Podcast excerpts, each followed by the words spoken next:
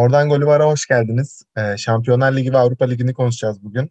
Hemen temsilcimiz Başakşehir'le başlayalım. Ee, Başakşehir kendi sahasında İngiliz devi Manchester United'ı yendi. 3 puan almayı başardı. Ee, Ferhat hemen seninle başlayalım maç hakkında. Görüşlerini alalım. Ee, Başakşehir maçı çok iyi başladı. Dembaba'nın ve Vişcan'ın golleriyle öne geçti. Ee, Manchester United'ın Manchester United'a karşı beklenmedik bir oyun oynadı Başakşehir. Biz bu grup ilk e, çekildiğinde, kurallar ilk çekildiğinde Başakşehir'e bu grupta galibiyet bile alamaz diyorduk ama bence biraz haksızlık yaptık. Ama zaten dışarıdan baktığınız zaman da yani herhangi yoldan geçen birine sorsanız Başakşehir bu grupta çok zorlanır derdi. Manchester United'dan puan alabileceğini kimse düşünmezdi Başakşehir'in. Ama almayı başardılar ve gayet iyi oyunu, bir oyun oynadılar. Onun dışında Başakşehir ilk iki maçta da çok iyi oynamıştı ama o yani son vuruşu bir türlü yapamadılar. Bu gole bir türlü atamadılar ama başta farklıydı. Ee, ama ikinci yarının son dakikalarında özellikle Manchester United Başakşehir'i ablukaya aldı diyebilirim. Ama Başakşehir savunması e, fire vermedi. Çok iyiydi. Epriano'nun çizgiden çıkardığı bir top vardı. Ben Başakşehir'i maç genelinde çok beğendim. E, ben Başakşehir'in bu grupta şu an yani biraz komik gelebilir ama ilk ikiye bile gelebileceğini düşünüyorum. Başakşehir maçın başında aslında United'a topu bırakarak biraz da kontra hücumlarla rakip kaleyi yoklayarak oynayacak gibi gözüküyordu ki ilk golü de o şekilde buldu. Dembaba'nın bir anda savunma arkasında bomboş kalması kullanılan korner sonucunda Visca'nın harika pasıyla beraber Dembaba yaklaşık 40 metreyi tek başına koştu. Arkasından yetişme, yetişemedi kimse. Ve golü bu şekilde buldu Başakşehir. İkinci golde de yine organize bir hücumla çıktı Başakşehir. Deniz Türk'ün pasında Dembaba topun üstünden atladı. Visca'nın tertemiz şutuyla 2-0 öne geçti. İlk yarının sonuna doğru Martial'le golü buldu United ama sonuç sonuç değişmedi. 2-1 maçı korumayı başardı Başakşehir. Özellikle ikinci yarıda son 15 dakika yaklaşık son 10-15 dakika Manchester United tek kale top oynadı ama bu Manchester United karşısında Başakşehir kalibresinde bir kulübün oynamasının kabul edilebileceği bir futboldu. Çünkü buldukları gollerde de hızlı hücum edebildikleri için bu şekilde oynayarak topu hızlı ileri çıkarıp belki bir kontradan üçü bulmayı hedeflemiş olabilir Okan Hoca. Başakşehir adına başarılı bir maçtı. PSG maçında da iyiydi Başakşehir. Golleri bulamamıştı orada ama burada golleri de bulmayı başardı ve iki birlik galibiyette grupta ve Avrupa'da ilk galibiyetini almış oldu. Ben size bir şey soracağım bu maçla ilgili. Yani bu e, Manchester United savunmasının Dembaba'ya hiçbir önlem almamız, almaması hakkında ne düşünüyorsunuz yani? Zaten ikinci yarıya Tuanzebe ile başlamadı. Tuanzebe'yi çıkardı. Yani çok saçmaydı. Sonuçta Dembaba bilindik futbolcu, Premier Lig kariyeri olan bir futbolcu, Liverpool'u şampiyonlukta eden bir futbolcu. Yani bilmiyorum Dembaba hiç önlem alınmaması zaten bence maç orada çözüldü. Ya ben orada sana katılıyorum tabii. Dembaba'ya önlem almamışlardı ama orada ikiye bir kaldığında Dembaba'nın artık yaşın yaşı da dolayısıyla biraz daha ezileceğini düşünmüş olabilir Solskjaer ama dediğin gibi Dembaba gerçekten hani şey profesyonelliğini konuşturdu, tecrübesini konuşturdu. Golde de ikinci to, ikinci golde topun üstünden atlayışında da savunmayı çaresiz bırakmayı başardı. Ee, tabii ülkemiz adına iyi bir durum oldu bu. Yani 3 puan alması Başakşehir'in ülke puanını da etkiliyor. Ee, önümüzdeki hafta bu maçın bir rövanşı olacak e, Old Trafford'da. O maç hakkında çok böyle küçük düşüncelerinizi almak istiyorum hemen. Ee, bana göre yani Old Trafford'daki maç bu maça göre daha farklı olabilir. Yani ben Manchester United'ın bence Başakşehir tanıdığını ve bu kadar kolay boş alanlar vereceğini düşünmüyorum Başakşehir'e. Başakşehir için daha zorlu bir maç olacak ama Başakşehir kazanabilir yani. Bu Manchester United'in kazanabileceği anlamına gelmiyor. Yine bu e, kontra ataklarla, hızlı toplarla Başakşehir'in ben yine kazanabileceğini düşünüyorum. Zor da olsa. Ben de Başakşehir'in bir galibiyet alma ihtimalini ilk başladım hani şeyin Kur'an'ın ilk çekildiği zamana göre daha yüksek görüyorum. Ayrıca bu hafta sonu oynanacak maçtan sonra Solskjaer'in yerine bambaşka bir hoca da görebiliriz o maçta. Artık koltuğunun sallantıda olduğu söylentileri bayağı yükselmeye başladı. Eğer Solskjaer'le devam ederlerse ben yine aynı oyuna yakın bir şey bekliyorum. Hani Manchester United'da topu biraz daha bırakıp Başakşehir sağlı sollu hızlı çıkıp Deniz de çok iyiydi bu arada. Visca da golü de buldu zaten. Bu şekilde hücumlarla ben yine Başakşehir'in etkili olabileceğini, puan ya da puanlar alabileceğini düşünüyorum. O zaman e, Başakşehir'i kutlayalım ve bu grubun diğer iki takımının maçına geçelim hemen. E, Leipzig kendi sahasında Paris Saint Germain'i 2-1 mağlup etti. E, hemen abi senle başlayalım.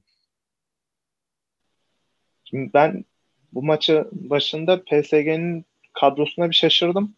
Çünkü sakatlar olduğunu bilmiyordum açıkçası. Sonrasında kontrol ettim. Takımda yaklaşık 6 kişi eksikti. Yani Bernat yok, Icardi yok, Verratti yok, Neymar yok, Draxler yok, Mbappe yok, Paredes yok. Hepsi sakat. Böyle olunca otomatik olarak Nagelsmann'ın da biraz daha zayıf hücuma karşı daha etkili bir savunma kurabileceğini biliyoruz zaten. Üçlü oynuyor. Leipzig uzun zamandır. Bu sayede hücum aksiyonlarını bayağı azalttı aslında PSG'nin. Bulduğu gollerle de maçı kazanmayı bildi. Ee, ben bu maça PSG'nin iyi başladığını düşünüyorum. Yani zaten Di Maria'nın 6. dakikadaki golüyle 1-0 öne geçti. Sonra e, Di Maria bir penaltı kaçırdı. Bence maçın e, dönüm noktası bu penaltı atışı oldu. E, Di Maria'nın kaçırdığı. Sonrasında Leipzig iyi bir oyun oynadı. Enkunku ve Forsberg'in golleriyle de 2-1 öne geçti. Zaten e, Geyen'in de kırmızı kart görmesiyle tamamen oyun Leipzig lehine döndü. E, Leipzig ben maçın başları dışında zorlanmadı. E, iyi oynadı Leipzig. Ama dediğim gibi bu grupta yani Başakşehir'in United karşısında galibiyetiyle bence kartlar yine dağıtılacak. E, bir, sürprizlere açık bir grup olacak bu grup.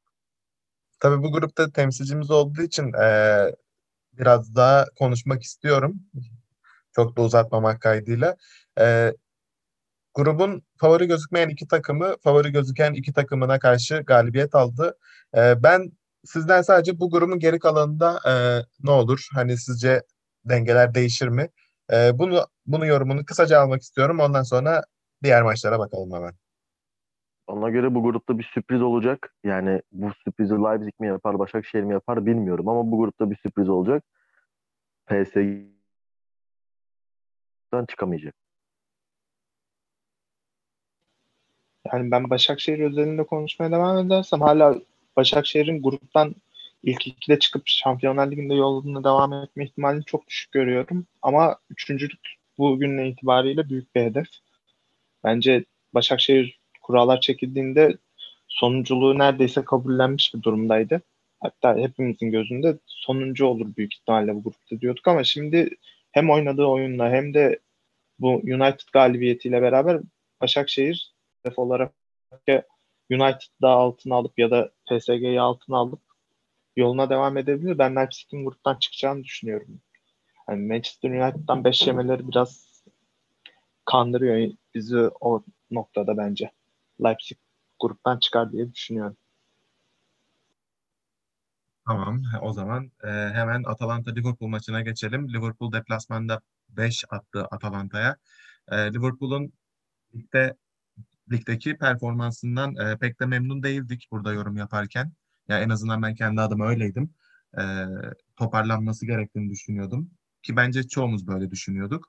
E, bu maçta bayağı bir toparlanmış gibi gözüküyorlardı. Jota 3 gol attı, hat-trick yaptı Şampiyonlar Ligi'nde. E, Jota'nın çıkışı, Liverpool'un bu maçtaki performansı e, hakkında neler söyleyeceksiniz merak ediyorum. Ben Liverpool'un Atağan'ın dediği gibi e, o ligdeki oyunun oyununu Şampiyonlar Ligi'ne yansıtmasını bekliyordum aslında. Yani kolay kazanabileceğini düşünmüyordum Liverpool'un Atalanta karşısında. Atalanta'yı da zaten bir iki senedir görüyoruz. Çok iyi futbol oynuyorlar, çok gol atıyorlar. Gasperini Atalanta'yı seviye atlatmış durumdaydı. Ama bu maçta yani Liverpool Atalanta'ya şans bile vermedi. Jota'nın harika bir oyunu var. Yani ben şunu söyleyebilirim. Jota zaten şu an Firmino'yu kesmiş durumda. Ligin geri kalan kısmında da ben Firmino'yu kesebileceğini düşünüyorum Jota'nın. Yani Liverpool'un yeni bir üçlüsü var diyebilirim bence artık. Mane, Salah ve Jota üçlüsü. Ben e, Liverpool'un hala Premier Lig'in en büyük favorisi olduğunu düşünüyorum. Bu gruptan da zaten çok kolay bir şekilde lider çıkarlar ve e, Şampiyonlar Ligi'nde de bayağı bir ilerlerler. Ben Liverpool'un bu, bu, bu hafta oynadığı oyunu çok beğendim. E, zaten bir İngiltere'de Liverpool taraftarıyım. Bu sene dışında bu sene Tottenham'ı tutuyorum. Ama e, bu sene Liverpool güzel işler yapacak bence bir daha. Ferhat'a katılıyorum ben de bu noktada çünkü hani ligde Atağan'a da katılıyorum tabii aynı zamanda ligdeki sarsıntılı durum hani galibiyetler geliyor ama oyun olarak çok başarılı bir durumda değildi. Şampiyonlar Ligi'ne gelince iş Liverpool gerçekten Şampiyonlar Ligi'nin gediklisi olmaya devam ediyor. Son 3 senedir tamam geçen sene çeyrek finalde Atletico'ya elenmişti ama yine de Şampiyonlar Ligi'nde belli bir seviyenin üstünde performans gösteriyor. Bu arada Jota konusunda da size katılıyorum. Yani Jota'nın belki de bir üç, üçüncü olarak hani Salah'lamanın yanında bundan sonra daha çok forma bulacağına inanıyorum ama bu Firmino'yu keserek mi olur yoksa Firmino'nun daha orta sahada görev aldığı bir sistemde Salah'ın en uçta olduğu hani bir kanadın Mane bir kanadın Jota şeklinde olduğu bir üçlü hücum hattıyla mı olur onu merak ediyorum asıl. Yani Liverpool gerçekten Atalanta'ya karşı hiçbir pozisyon vermedi neredeyse. O kadar rahat oynadı. Atalanta gelmeye çalıştı birkaç pozisyonda ama Liverpool hala grupta gol yememiş durumda. Yani savunması Van Dijk'ın eksikliğine rağmen işi kotarabilmiş gibi gözüküyor. Ben de Liverpool'un Şampiyonlar Ligi'nde de üst kulvarlarda yarışacağına inanıyorum. Bu sene yine bir çeyrek final, yarı finalden aşağı düşmeyeceğine inanıyorum. E, o zaman hemen başka bir Şampiyonlar Ligi müdavimine geçelim. Real Madrid Şampiyonlar Ligi'ni 12 kez kazanmış bir kulüp. E, son dönemlerde birazcık çalkantılılar. E, ama Inter'e karşı 3 kazandılar. Bu maç hakkındaki görüşlerinizi hemen alalım. Ferhat senle başlayalım. Real Madrid bu gruba çok kötü başladı. Önce bir Shakhtar yenilgisi, ardından bir e, Mönchengladbach beraberliği. O maçı da neredeyse kaybedeceklerdi yani. Son dakikalarda buldukları gollerle kazandılar. Bu maçta da ben Real Madrid'in e, zorlanacağını düşünüyordum ki zaten öyle oldu. Bayağı zorlandılar. 2-0 öne geçtiler. Sonra 2-2 oldu maç. Sonra oyuna sonradan giren, giren Rodrigo'nun golüyle maçı 3-2 kazanmayı bildiler. Yani çok ortada geçen bir maçtı. İki takımın da pozisyonları var. İki takımın da tehlikeli atakları. Takım e, 24 şut çekmiş. 12-12 olmak üzere. Yani ama maça baktığım zaman böyle kaçan net bir pozisyon gollerin dışında bir iki tane vardı. Çok ortada geçen bir maçtı dediğim gibi. E, ben Real Madrid'in bu grupta kolay kolay yani şu an Mönchengladbach'la Shakhtar ilk ikiye almış durumda bu grupta. Ama tabii ki de yani Real Madrid'in olduğu grupta ne olursa olsun her zaman Real Madrid favoridir. Yine bu gruptan lider çıkacağını düşünüyorum. Ee, zaten El, El Clasico galibiyetiyle beraber biraz daha e, Real Madrid toparlanmış gözüktü. Ben bunun bu şekilde gide, gidebileceğini düşünüyorum. Bunun dışında geçen haftaki şampiyonlar, e, özür dilerim, geçen haftaki maçta Benzema Rodrigo'yu bayağı bir kötülemişti. Konuşma anı yakalanmıştı Benzema'nın. Bu maçta Rodrigo oyuna girdi ve maçı kazandırdı. Güzel bir gol attı. Bilmiyorum artık Madrid'de takım içinde de sorunlar var. Belli ediyor bunu zaten. Ama dediğim gibi Real Madrid bu grupta büyük favori ne olursa olsun ve çıkabileceğini düşünüyorum bu gruptan kolay bir şekilde. Ben de Ferhat'a katılıyorum bu noktada. Real Madrid olduğu grubun her zaman favorisidir. Yani Real Madrid'in büyüklüğünü tartışacak durumda değiliz burada. Maç özelinde de Real Madrid hızlı başladı aslında. 33. dakikada 2-0 öndelerdi ama çok çabuk cevap verdi Martinez. 2-1'e geldi dakika 35'te. Ondan sonra da biraz daha Inter hücumlarının fazla olduğu bir süreç gördük. Sonunda golü de buldular zaten 68. dakikada. Sonrasında karşılıklı pozisyonların olduğu ama Real Madrid'in daha baskın olduğu bir süreci gördük. Orada da Rodrigo'nun golüyle beraber Real Madrid maçı kazanmayı bildi. Yani Real Madrid'in Ferhat'ın da baştan söylediği Real Madrid'in olduğu grupta, Real Madrid'in olduğu Şampiyonlar Ligi'nde otomatik olarak bir favori olması durumu var. Bununla beraber Real Madrid'in rakipleri arasında ben Mönchengladbach'ı beğendim. Mönchengladbach'la Real Madrid'in çıkacağını düşünüyorum bu gruptan. Inter'le Shakhtar da üçüncülük mücadelesi verir. Ben bu grupta bir şey soracağım. Yani Real Madrid özelinde bir şey soracağım. Eden Hazard'ın bu berbat oyununu, bu kötü oyununu yani Chelsea'deki günlerini asla yansıtmıyorsa hayat ne düşünüyorsunuz? Yani ben Eden Hazard'dan çok şey bekliyordum Real Madrid'e gittiğinde. Tabii ki de bir Ronaldo etkisi beklemiyordum ama sonuçta Hazard yani. Yani ne düşünüyorsunuz Eden Hazard'ın bu kadar kötü olması hakkında? Yani ben şöyle katkıda bulunayım. Ben de katılıyorum sana. Hazard'ın daha etkili olmasını bekliyorduk ama sakatlık yaşadı. Bunun için Hazard Ronaldo kadar golcü, ceza sahası içinde var olan bir topçu da değil. Yani biraz daha topu taşıyıp asistler yapmasını beklersin. İşte o sakatlık dönüşü psikolojik, fiziksel düşüş de etkili olmuş olabilir bence bu durumda. Yani Hazard'dan beklentinin ne olduğuna göre değişir. İşte Hazard'dan sezonda 15-20 gol bekliyorsan zaten bunu asla başaramayacak yani. Inter'de bile şey Inter'de diyorum Chelsea'de bile bunu yapabildiği sezon sayısı 1-2'dir yani daha fazla değildir. Burada işte bütün yük Benzema'nın üstüne düşmüş gibi duruyor. Orta saha zaten Casemiro Valverde savunmacı ikili. Kroos biraz daha komple futbolcu. On, orada da Hazard'ı destekleyecek adam sayısında eksiklik var. Bence hani ileri üçlüden çok orta saha ve kanatlardan destek alamamasından dolayı Hazard'ın futbolu biraz daha düşük gözüküyor bize. Ee, Real Madrid'in Şampiyonlar Ligi'ndeki favori durumundan konuştuk. Bir de sürekli her sene favori göz, görünüp asla başarı elde edemeyen Manchester City'ye geçelim. e, Manchester City'de kendi sahasında 3-0 kazandı. E, bu maç hakkında ki görüşlerini hemen abi senle başlayalım almaya.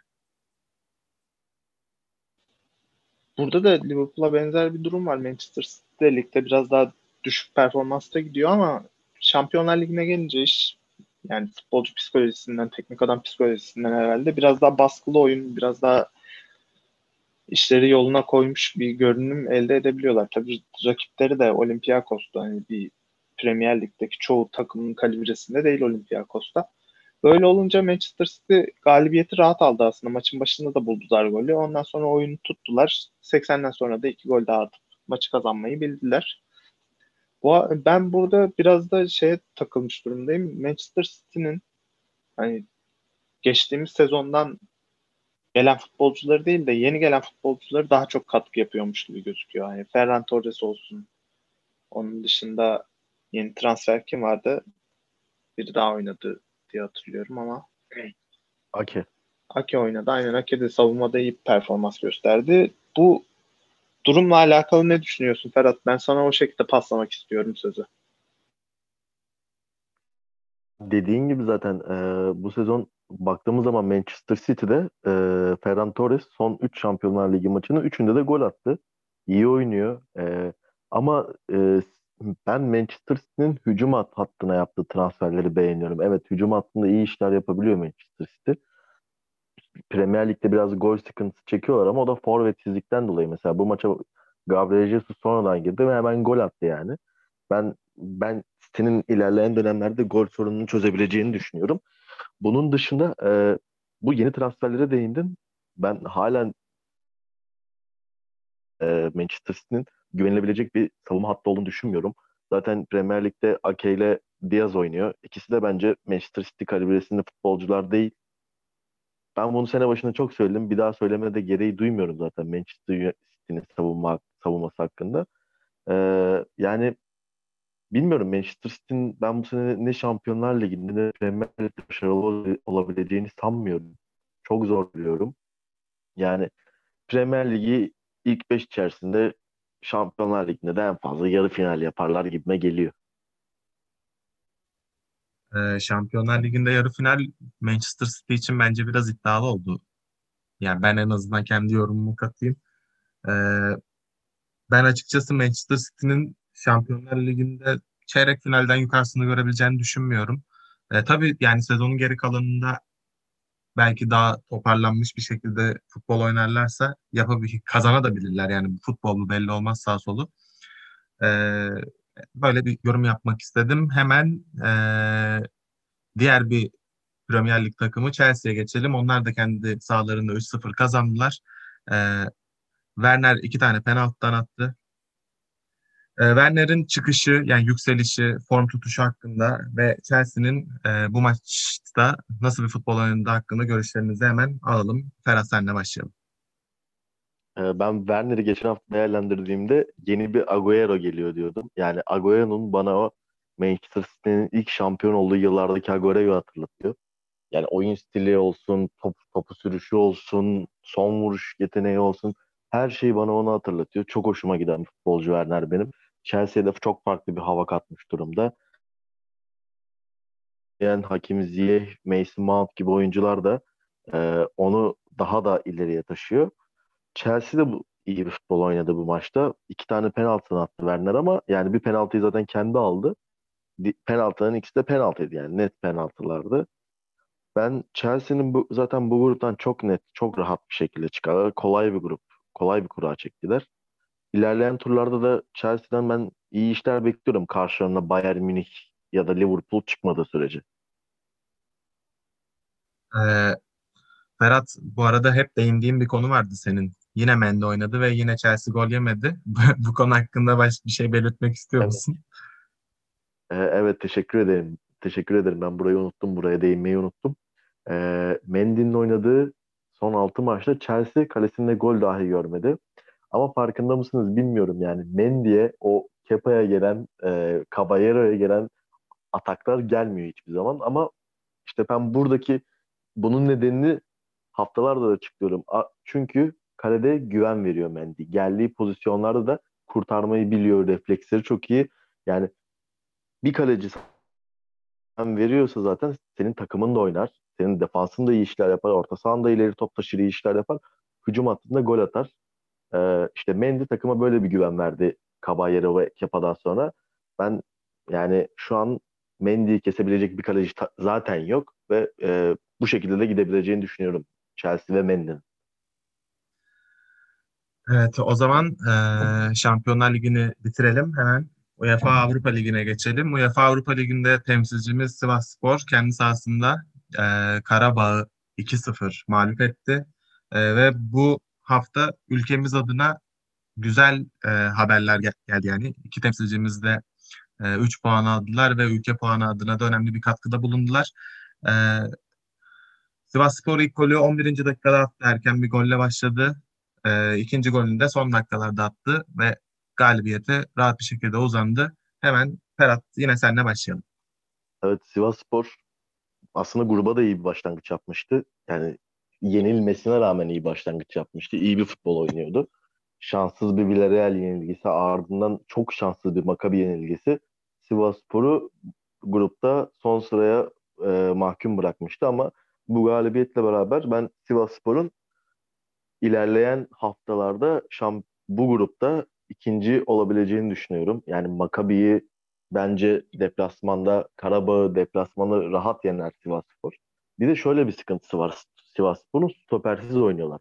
Yani bu maçta stoperde oynayan oyuncu Robin Yalçın. Şeyde de e, Makabi maçında da stopersiz oynadı. Yani stoperle oynadı ama elinde bir kırmızı kart gören ya da bir sakatlanan stoper olsaydı bu maçı stopersiz çıkacaklardı ki o maçta da kırmızı kart çıktı stoperlerden birine ve bu maçta Robin Yalçın oynamak zorunda kaldı Sivas Spor. Ee, ben Sivas Spor'da sonradan oyuna giren Coyote'yi çok beğendim ve Max Gradel'i çok beğeniyorum. Yani bu sezon Sivas Spor'un yaptığı en iyi iki transfer diyebilirim bunlar için. Zaten Coyote geçen sezon ligimizde iyi bir futbol oynamıştı. Sivas Spor onu hemen kaptı. Ee, UEFA gruplarında da gollerine devam ediyor.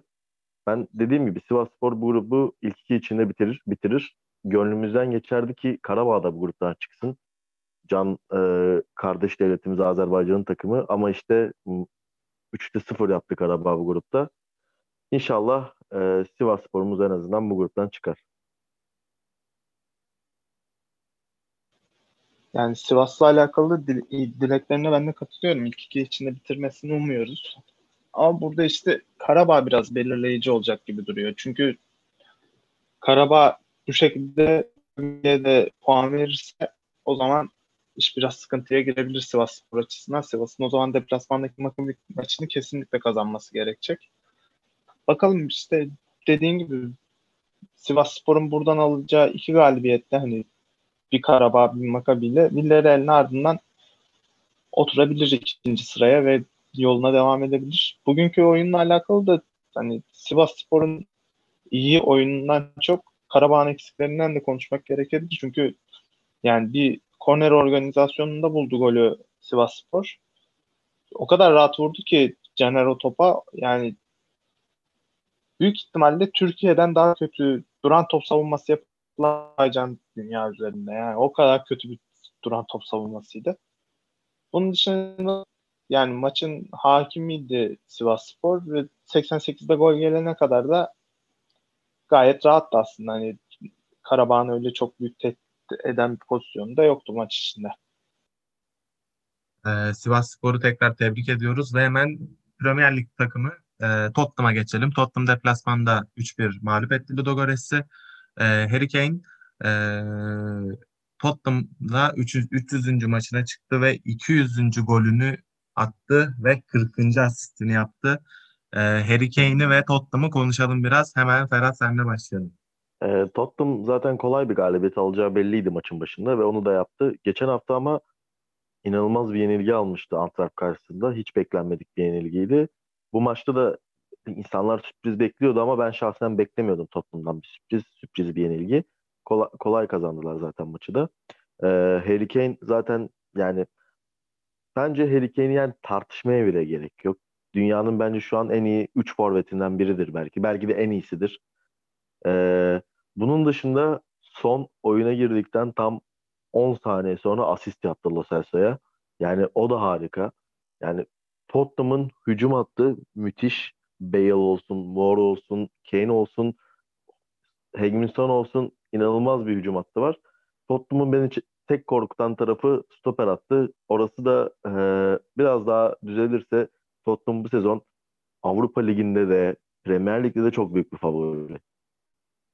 E, hemen Leicester City'ye geçelim. E, Cengiz ilk 11'de başladı bu maça e, ve 4-0 kazandılar kendi sahalarında. Iheanacho e, iki gol attı. E, hemen abi senle başlayalım. Maça iyi bir başlangıç yaptı Leicester. Bu başlangıcı da devam ettirmeyi başardı. Zaten çok etkililerdi maçın başından itibaren. Iheanacho iki tane güzel gol attı. Birinde Cengiz'in asistiyle buldu golü. Bunun dışında hani Cengiz'in oyunu üzerinden konuşalım istiyorum biraz da. Yine asist yapmayı başardı. O kanatta gerçekten Cengiz çok etkili olmaya başladı. Bence formayı alması için iki haftaya ihtiyacı var ama bu milli araya gireceğiz şimdi. Ondan sonraki iki, iki maçtan sonra Cengiz artık 11'de çıkmaya başlar diye düşünüyorum. Bunun dışında Braga'nın da oyun anlamında çok eksik olduğunu düşünüyorum. Çünkü maç boyunca kaleyi bulabilen bir tane şutları vardı sadece. O da çok etkili bir şut değildi. Bununla beraber Leicester 15 şut attı toplamda maç boyunca. 6'sı kaleyi buldu. 4'ü de gol oldu zaten. Yani çok büyük yüzdeyle gol attılar. Attıkları şutlarda golleri buldular. Ben Leicester'ın e, UEFA Avrupa Ligi'nde büyük bir favori olduğunu düşünüyorum. E, kazanmaları sürpriz olmaz bence. E, hemen e, diğer bir Premier Lig takımına geçelim. Arsenal e, Manchester United galibiyetinden sonra e, UEFA Avrupa Ligi'nde de 4-1'lik bir galibiyet aldılar. E, iki tane kendi kalesine gol attı Molde. E, onun dışında Pepe ve e, Willock attı golleri. Arsenal 4-1 kazandı. Ferhat hemen seninle başlayalım Arsenal hakkında. Aslında ne söyleyeceksin? Aslında Molde maçı iyi başladı. Bir gol buldular dakika 22'de ama sonradan çok şanslı kalesine gol attı Molde. E, Arsenal zaten o iki tane golden sonra Molde'nin moralinin bayağı bir düşmesinden sonra maçı kendi lehine çevirdi. Kolay bir galibiyet aldı o dakikalardan sonra. E, Arsenal bu grubun tabii ki de favorisi. Bu gruptan tabii ki de çıkacak ama ben Arsenal'ı net bir UEFA favorisi olarak görmüyorum. Avrupa Ligi favorisi olarak görmüyorum. Görmememin nedeni de Arsenal oynadığı sıkıcı futbol, iğrenç futbol.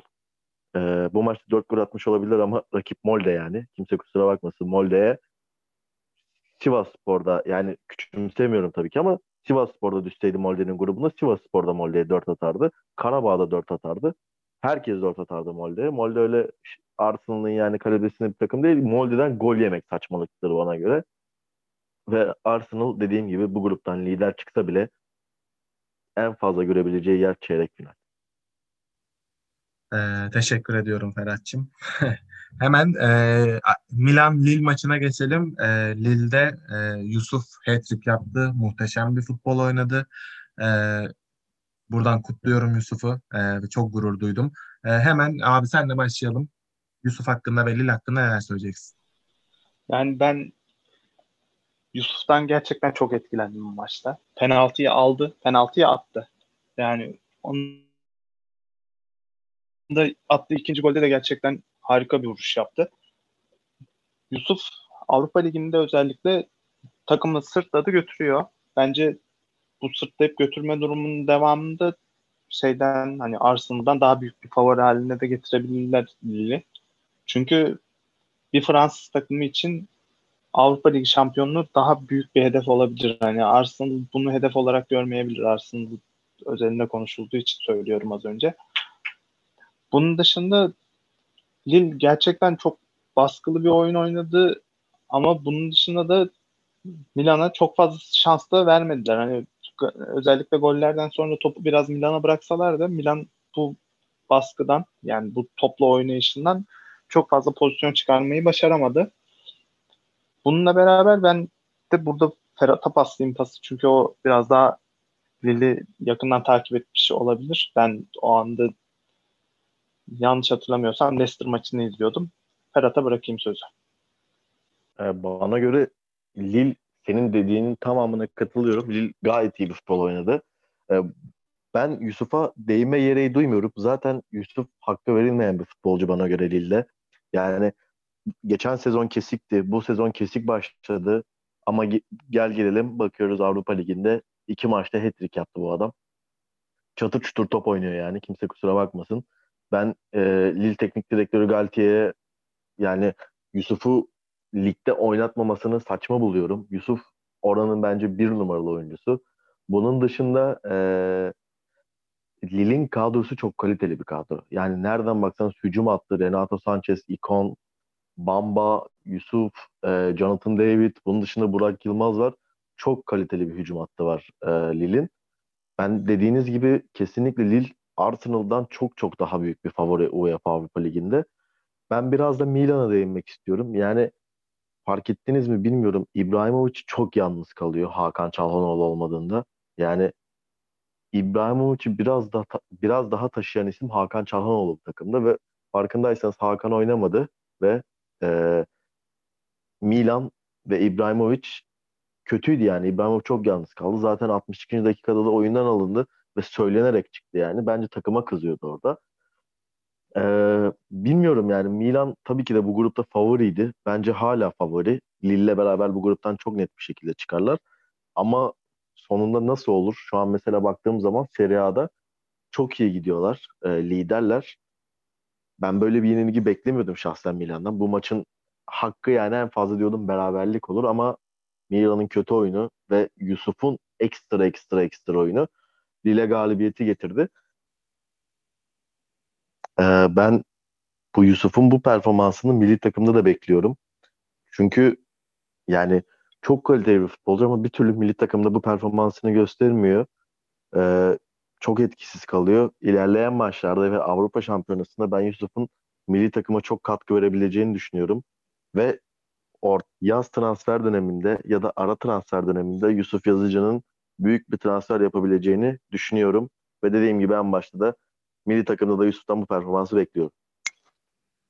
Oradan Golivar'ın Şampiyonlar Ligi'ni ve Avrupa Ligi'ni değerlendirdiğimiz bölümümüzün sonuna geldik. Ee, bizi Twitter ve Instagram'dan OGV Sports e, etiketiyle takip edebilirsiniz. Teşekkürler.